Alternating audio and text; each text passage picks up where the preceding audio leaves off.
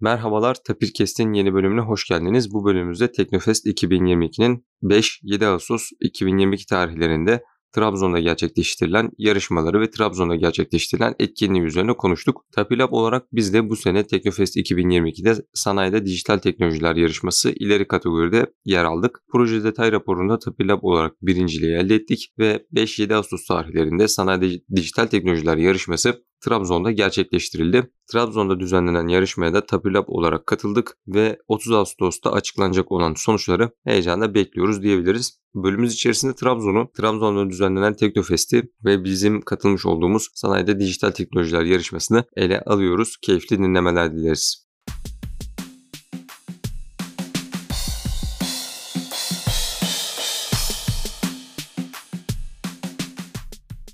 Yiğit Mehmet hoş geldiniz. Hoş bulduk abi. Hoş bulduk. Geçtiğimiz günlerde 5-7 Ağustos tarihlerinde Trabzon'da Teknofest 2022'nin bir ayağı düzenlendi. Biz de Trabzon'da düzenlenen yarışmalar arasında sanayide dijital teknolojiler ileri kategoride yarışıyorduk. Bir otonom araç geliştirip burada yarışmada yer aldık ve Teknofest'in heyecanını yaşama imkanımız oldu. Şimdi öncelikle Teknofest bu sene ne yapıyor, neler düzenleniyor, nerelerde düzenleniyor bunlardan bahsederek giriş yapmak istiyorum. 16 farklı şehirde düzenleniyor bu sene. Karadeniz, İç Anadolu, Doğu Anadolu, İstanbul hemen hemen Türkiye'nin dört bir yanında düzenleniyor diyebiliriz. Ödül töreni, ana tören, ana Teknofest 30 Ağustos 4 Eylül tarihleri arasında Samsun'da düzenlenecek. Teknofest'te geçtiğimiz yıllardan bildiğiniz kadarıyla belirli bir standarta artık oturdu. Çeşitli alanlarda özellikle çeşitli farklı özelliklere sahip kara, hava ve deniz araçlarının tasarımı ve bunların geliştirilmesi konusunda yarışmalar var. Buna ek olarak çip tasarımı gibi önemli konulara değiniliyor. Biyoloji, sağlık, sağlıkta yapay zeka, biyolojide yapay zeka, insanlık yararına teknoloji ve engelsiz yaşam gibi kategorilerde de yarışmacılar yer alıyor. Teknofest sadece üniversite düzeyinde değil, bizim Trabzon'da da gördüğümüz gibi ilkokul, ortaokul, lise, üniversite, üniversite mezunu yüksek lisans doktorasını yapan insanlar ve girişimcilerin de katıldığı tüm Türkiye'yi kapsayan bir teknoloji etkinliği diyebiliriz. Teknofest Trabzon'da ise ulaşımda yapay zeka, uçan araba, biyoteknoloji, inovasyon, engelsiz yaşam teknolojileri, çevre ve enerji teknolojileri, helikopter tasarım ve sanayide dijital teknolojiler yarışma kategorileri vardı. Bunların hemen hemen hepsi için ayrı özel çadır kurulmuş. Ortada bir büyük sahnenin olduğu bir ortam vardı. Trabzon'un yeni yapılan stadının etrafında konumlanmıştı. Stada da girip gezebiliyordunuz hatta. Biz de Trabzon stadını girip bir görme imkanımız oldu. Biz sanayide dijital teknolojiler kategorisinde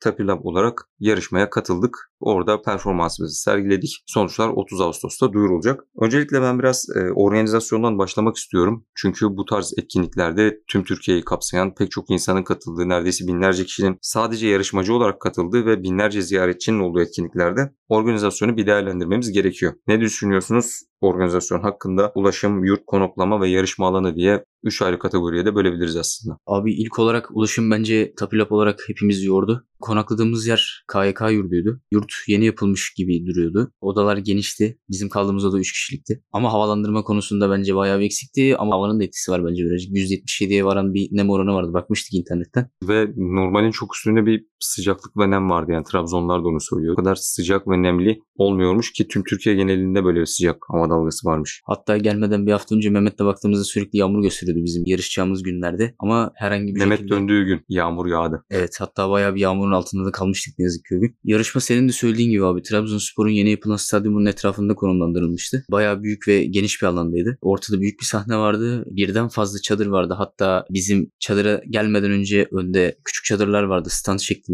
Baykar olsun, Aselsan olsun, diğer firmalar olsun kendileri stand açmışlardı. Gezmeye gelen ya da oradaki yarışmacılar merak edip gidiyorlardı, bakıyorlardı. Yarışma alanında eksik olan şeylerden bence en önemlisi herhangi bir bilgilendirmeye dair tabelanın olmamasıydı ve güvenlik önlemlerinin az olmasıydı. Biz kendi çadırımızı bulmakta birazcık zorlanmıştık şahsen. Sormuştuk hatta birilerine Sahne Dijital Teknolojiler Yarışması nerede yapılacak diye. Bizim çadır da yanlış hatırlamıyorsam arka taraflarda kalıyordu. Nereden baktığına göre değişiyor ama bizim için ön tarafta kaldı çünkü alana giriş tek bir yerden sağlanmıyordu. Yani İstanbul'dakinde daha önce ziyaret ettiğimizde merkezi bir kapıdan girip ondan sonra sizi yönlendiriyorlardı. İşte o orada bu burada. Zaten sanırım bir yeni havalimanında düzenlenmişti. Bir de Atatürk Havalimanı'nda düzenlenmişti. İkisinde de aynı yöntemi izlemişlerdi. Kayıt yaptırıp girişte kare kod okutup içeri giriyordun ve ondan sonra tabelaları takip ederek istediğin yere ulaşıyordun. Trabzon'daki etkinlikte şey yoktu. Alanın etrafı çevrili değildi. Yani yoldan geçen herhangi bir kişi arabasını durdurup rahat rahat aslında bizim baktığın zaman alanın en sonunda olan çadıra ilk ulaşım sağlıyordu. Biz de bundan faydalandık bir süre sonra. Ana girişten değil bir de elimizde araç olduğu için, yük olduğu için onu arabadan indir indir doğrudan yol kenarından giriş yapıyorduk. Bence bu konuda bir eksi daha olarak söylemek gerekirse bizim çadırda hatta bütün çadırlarda iki taraftan giriş vardı eğer yanlış hatırlamıyorsam. Bizim çadıra özellikle insanlar gelirken arka taraftan yani bizim çalışma masamızın olduğu yere yakın bir giriş vardı. İnsanların çoğu oradan giriyordu. Hatta biz arada böyle bunaldığımız zaman nefes almak istediğimiz zaman dışarı çıktığımızda insanlar gelip soruyordu giriş buradan mı öbür taraftan mı diye. Öbür taraftan diye söylüyorduk. Yani ön taraftaki giriş söylüyorduk. Buradan girip de ya alan kısıtlıydı sonuçta. Çalışırken biz bile zorlan, zorlandık bazenleri. E, ortam havasız oluyor. İnsanlar geliyor görmek için. Merak ediyorlar. Havanın da vermiş olduğu etkiyle biz de diyorduk yani ön taraftan girin diye. Ama zaten sahneye jüriler o taraftaydı. Sunumlar orada yapılıyordu. Yarışma alanına bir de bizim takımların giriş yaptığı kapıdan girdiğiniz zaman hani biraz sonra konuşacağız. Bir alan var. Bu alanda işte bantlarla çizgiler belirlenmiş. Bu çizgilerin deforme olmaması gerekiyor. Ama insanlar üstünde yürüdükçe mesela o çizgiler kalkıyor. O bantlar hani eskiyor bir şekilde. Aslında bizim yarışmanın olumsuz etkilenmesine sebep oluyordu. O yüzden yönlendirmeyi yapıyorduk yani diğer kapıdan girişte. Çünkü insanların o robotların takip ettiği çizgilere basmaması gerekiyordu. Bir de şöyle bir olay vardı. Bu jürinin arkasında hemen tribün gibi stadyumlardaki düzen gibi bir basamak şeklinde oturaklar vardı. İzlemek isteyenler oraya oturabiliyordu ve jürinin arkasında kocaman bir ekran vardı. Alanda 12.5'a 16 metre olduğu için geniş de bir alan. Hani alanın içinden geçmek zorundasınız. Köşelerden zaten geçemiyorsunuz ve köşelerde hakemler var ya da başka yarışmacı takımlar robotlarını köşelerde hazır bekletiyorlar. Kendilerine sıra gelince alana geçmek için. E, bu yüzden hani zaten insanların o yolu kullanması çok mantıklı değildi. Ayrıyetten kamerayla da robotların hareketlerini zoom yaparak çekiyorlardı. Hani insanlar ya robotun başına gidip o hareketlere bakacak ya da o ekrandan robotun hareketlerini güzel bir şekilde izleyeceklerdi. Teknofest yetkililerinin sistemi güzel tasarladığını düşünüyorum. Yalnız şöyle bir sıkıntı vardı. Hani alan sonradan kurulduğu için hani o çadırın içinde kurulmuş bir alan olduğu için düz bir zemin olmasını bekliyorduk ama bombeli bir zemin vardı. Bu bombe bizi belki zorlayabilirdi çünkü hani düz bir zemin olarak düşünüp biz araçlarımızı tasarlamıştık. Ama herhangi bir sıkıntı oluşturmadı ve sadece bizde değil herhangi bir takım için hiçbir sorun teşkil etmedi. Bu noktada bence şeyde değinmek gerekiyor şimdi insanların ziyaretinden ve takımların oraya gidişinden bahsettik. Bizim kaldığımız yurtta bayağı bir insan vardı yani bayağı bir kalabalıktı. Özellikle yemek sırasında falan hatırlıyorsunuz ya da kahvaltı sırasını. Bu kadar insanı bence bir şekilde işte uçaklarla otobüslerle Trabzon'a getirip sonra bunların hem yarışma alanına hem havaalanından transferlerinde hem otogarlarından transferlerinde ben pek bir sorun yaşayanı duymadım. Biz herhangi bir sorun yaşamadık. Bu nedenle ulaşım açısından Trabzon Büyükşehir Belediyesi ve Teknofest bence güzel bir şekilde çalıştı ve bunlarda hiçbir sorun yaşanmadı. Bu kadar insanı gerçekten organize bir şekilde bir yerlere getirmek, götürmek, onların kim kaldı, kim gitti, kimler nereye gidecek, kimin hangi saatte uçağı var bunu takip etmek zor bir şeydi. Çünkü listeler paylaşılıyor mesela bir günde yaklaşık 10 tane 20 tane uçuş var. Hepsi için servis ayarlanıyor. Bu servislere binip havaalanına gidiyorsunuz. Bu nedenle ulaşım konusunda herhangi bir sorun yaşanmadığını söyleyebilirim. En azından yarışmacılar açısından. Trabzon halkının alana transferi konusunda bizim bir bilgimiz yok maalesef. Onlar için de muhtemelen özel servisler kaldırılmıştır diye düşünüyorum şehir içinden. İstanbul'a çünkü yani belki yeni havalimanında olduğu içindir de Üsküdar meydandan uzun körüklü otobüsler kaldırılıyordu mesela sabah saatlerinde. Trabzon'da da öyle şeylerin yapılmış olduğunu düşünüyorum. Buna ek olarak biz KYK yurdunda kaldık ancak e, Teknofest bütün takımı değil takımın bir kısmını karşılıyordu. Mehmet dışarıda başka bir otelde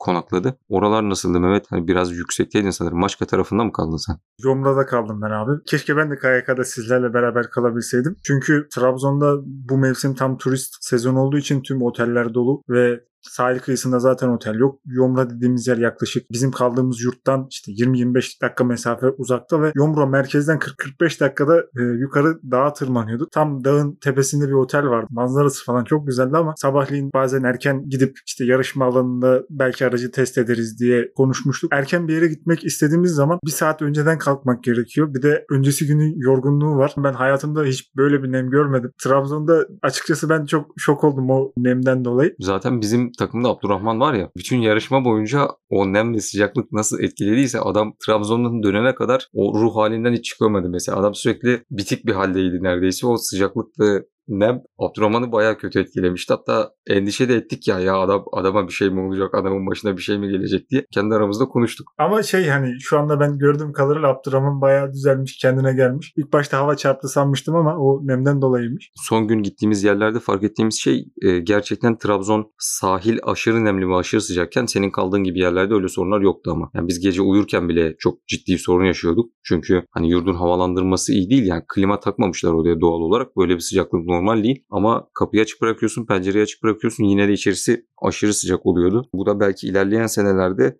tarihler ve bu tarz hava sıcaklıkları göz önünde bulundurularak düzenlenecek yarışmaların en uygun iklim şartları altında düzenlenmesi için tarihlerde bir düzenleme yapılabilir diye düşünüyorum. Yavaş yavaş bizim yarıştığımız kategoriye geçmek istiyorum. Sanayide dijital teknolojiler. Biz ileri seviyede yarıştık. Sanayide dijital teknolojiler yarışması aslında temel olarak bir üretim tesisinde, bir üretim sahasında diyelim çeşitli malzemeler üretim aşamasında çeşitli işlemlerden geçiyorlar ve bunlar genelde paralel işlense de ardışıl olarak da gerçekleşmesi gerekiyor. Yani bir metal blok geldi diyelim. Bunu bir makine işte kabasını alıp işledikten sonra bunun bir şekilde taşınıp başka bir tezgaha gitmesi gerekiyor. Fabrika ortamlarında, üretim yerlerinde bu materyallerin en uygun şekilde taşınması en büyük problemlerden biri. Bunu gerçekleştirmek için, bunu sağlamak için otonom araçların kullanımı artık günümüzde çok yaygın. Yani fabrika içerisinde belirli malzemelerin taşınmasını artık insanlar gerçekleştirmiyor.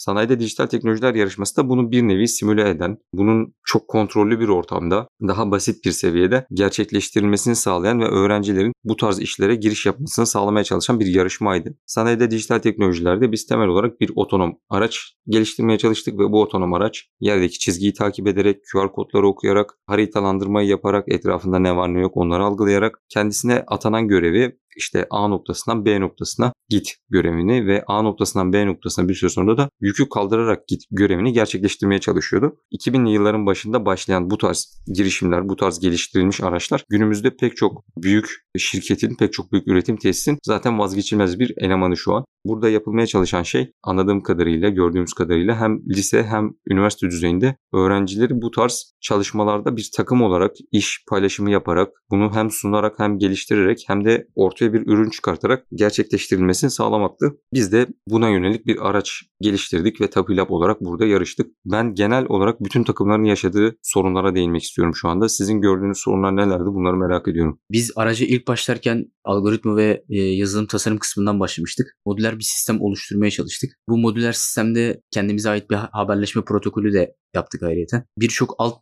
modülden oluşuyordu bizim aracımız. Telemetri birimi olsun, engel algılama birimi olsun, QR kod okuma birimi olsun, çizgi izleme birimi olsun, yük kaldırma birimi olsun ve bunların hepsinin çalışmasını sağlayan batarya sistemi mevcuttu. Biz de bu modüllerden yola çıkarak standart bir girdi çıktı ilişkisi kurduk. Kimi takımlar böyle yapmamıştı. Bizim bunu yapmamızdaki amaç daha basit, karmaşıklığı engelleyen bir sistem olaraktan düşünerek böyle bir modüler sistem oluşturmaya çalıştık. Hatta bununla alakalı gözümüzün önünde bir takım problem yaşamıştı. Batarya sisteminde bizim düşündüğümüz gibi düşünmeden yapmışlar anladığım kadarıyla. Tam olarak o problemi yaşadıktan sonra gidip onlarla konuşmadık ama batarya sisteminde kabloları bağlarken birbirleriyle karıştırdılar ve tüm sistemin yanmasına sebep oldu bu durum. Biz de o esnada e, pistte aracı deniyorduk. Üzücü bir görüntüydü. Çünkü onlar da yaklaşık bir 1-2 saat sonra yarışacaklardı. Son denemeleri yapıyorlardı. Batarya bağladıklarında işte dediğin gibi hani başka bir sebepten ötürü mü yoksa ters bağladıkları için bilmiyoruz ama bir anda alev aldı her şey. Bayağı bildiğimiz alev çıkıyordu orada. Mesela burada bir eksiklik gözü göze çarptığımı bilmiyorum. E, alanda hiç yangın söndürme tüpü yoktu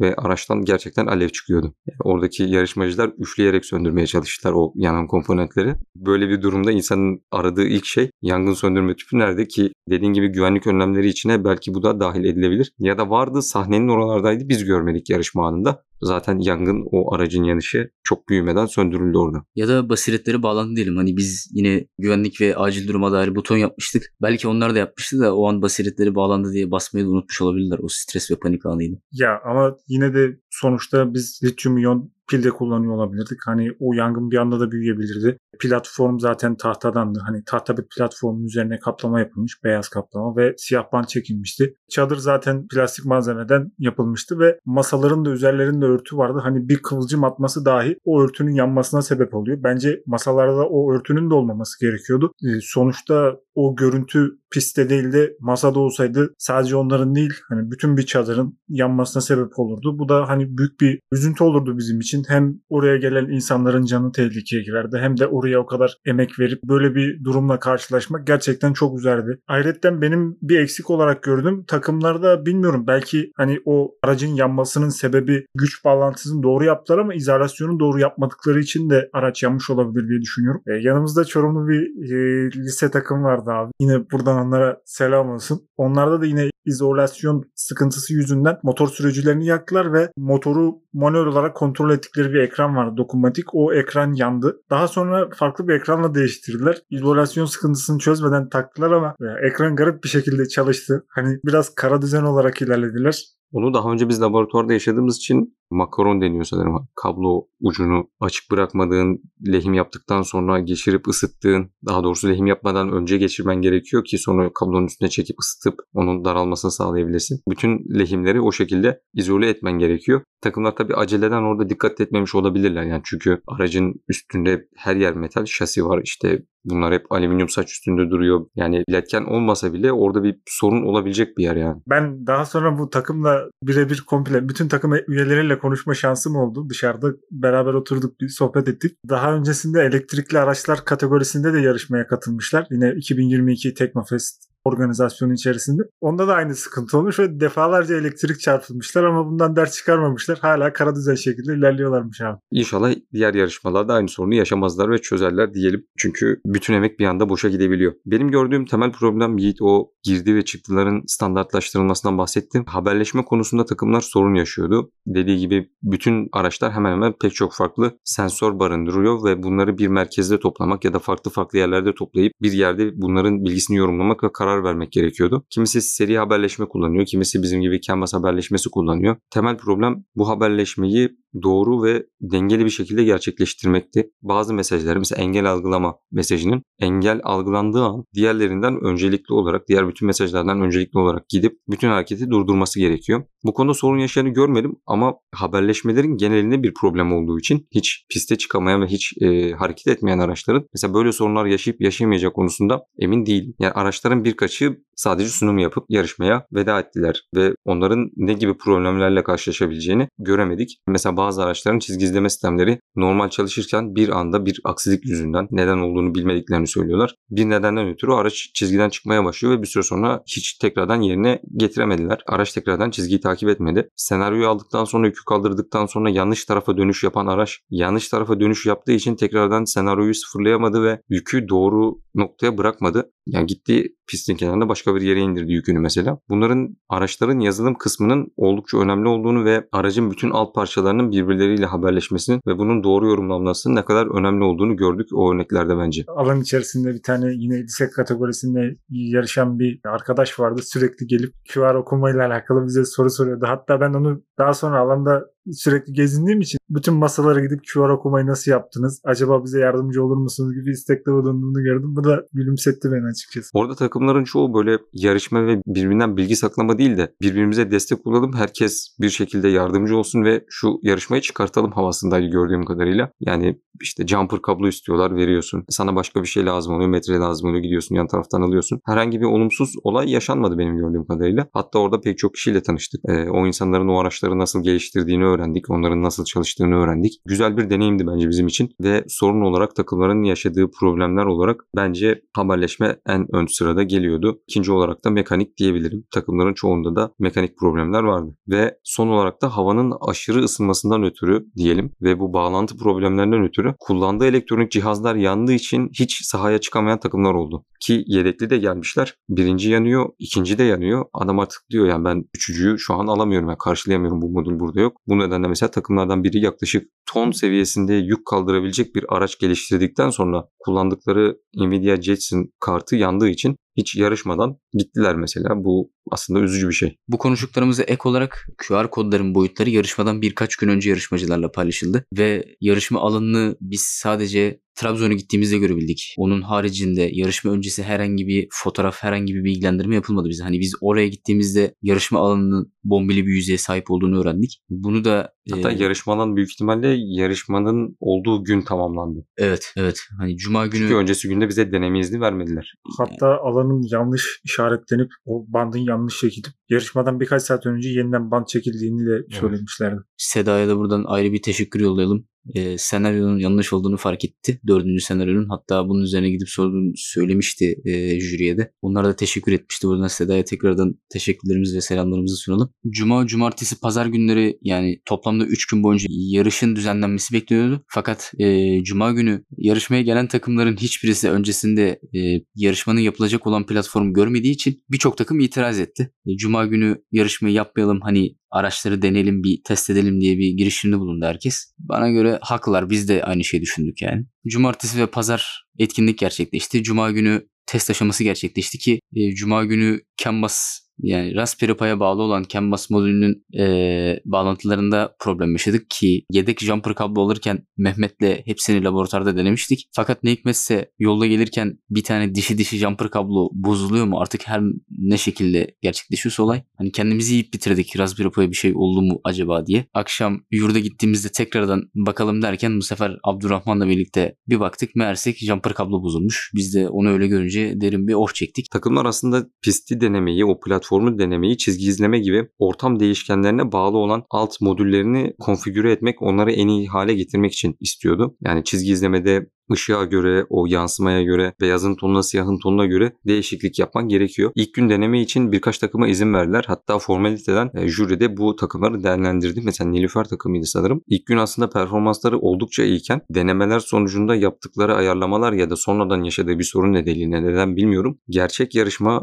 Nilüfer takımının ilk performansından çok daha kötüydü. Bu oldukça üzücüydü çünkü ilk gün onu gördüğümüzde hani demiştik çok güzel yapmışlar demiştik. Başlarına ne geldi, ne bozuldu, ne oldu bilmiyoruz ama bunu görmek yani ilk gün boş turda deneme turunda hakemlerin karşısında puan almadan başarılı bir şekilde gerçekleştiriyorsun ama asıl yarışmada bir sorun oluyor ve onu başaramıyorsun. Bu gerçekten üzücüydü. Rakibin olduğu için böyle bir şey olduğu için kesinlikle sevine, sevinemiyorsun çünkü kanter içinde herkesin çalıştığını görüyorsun ve o çocuklara o hocalarına falan üzülüyorsun yani diyorsun ya adamlar ne kadar çalıştı ve sonucu bu oldu. Halbuki sadece iki köşeyi dönememişlerdi. Yaptıkları o konfigürasyondan sonra hiçbir köşeyi dönemedi araç. Evet. Ben de onlara gerçekten Muhtemelen bu acele olduğu için. Yani cuma günü sadece alanın çok kısıtlı bir bölgesinde, çok kısıtlı bir yerinde oradaki bilgiyle bunu yapmaya çalıştılar ve sadece saatler mertebesinde test konfigürasyon imkanı vardı. Alan çok daha önceden hazır olsa ve bir hafta önceden mesela takımlar deneme imkanı bulsa mümkün mü bilmiyorum. Yarışma belki çok daha başarılı geçebilirdi bütün takımlar için. Son olarak Advena Teknoloji'yi buradan tebrik etmek istiyoruz. İstanbul Ticaret Üniversitesi'nden katılan ikinci takım ve en iyi tasarım ödülünü aldılar. Biz burada araçların tasarımına çok değinmedik ancak gerçekten emek harcayan, tasarım üstüne oldukça çalışan ve aracın güzel görünmesi için de haftalarını, aylarını harcayan takımlar vardı. Buradan Advena Teknoloji'yi de tebrik ediyoruz. İleri kategoride en iyi tasarım ödülüne layık görüldüler. Son olarak eklemek istediğiniz bir şey var mı Mehmet Yiğit? benim eklemek istediğim bir şey var. Yarışmanın sonrasında sonuçları bize açıklamadılar. Kim kaç puan aldı, nasıl değerlendirmişler. Bunu Samsun'da açıklayacaklarını söylediler. Bence bunu yarışmanın hemen sonrasında yapsalardı çok daha güzel olabilirdi diye düşünüyorum. Çünkü kimin nerede eksiği var, nerede ne kadar puan kırılmış. Bu araçların bir sonraki versiyonlarında bunları da dikkate alıp daha güzel bir şekilde tasarlayabilirdik. Tapillaba bize bu imkanı verdiği için e, Serhan hocama, Ali hocama ve organizasyonda emeği geçen bütün herkese teşekkürlerimizi sunuyoruz. Ben de katıldığınız için teşekkür ediyorum. Gelecek sene Teknofest'te aynı alan olabilir, farklı bir yarışma olabilir. Tekrardan görüşmek üzere diyelim. Herkese iyi haftalar.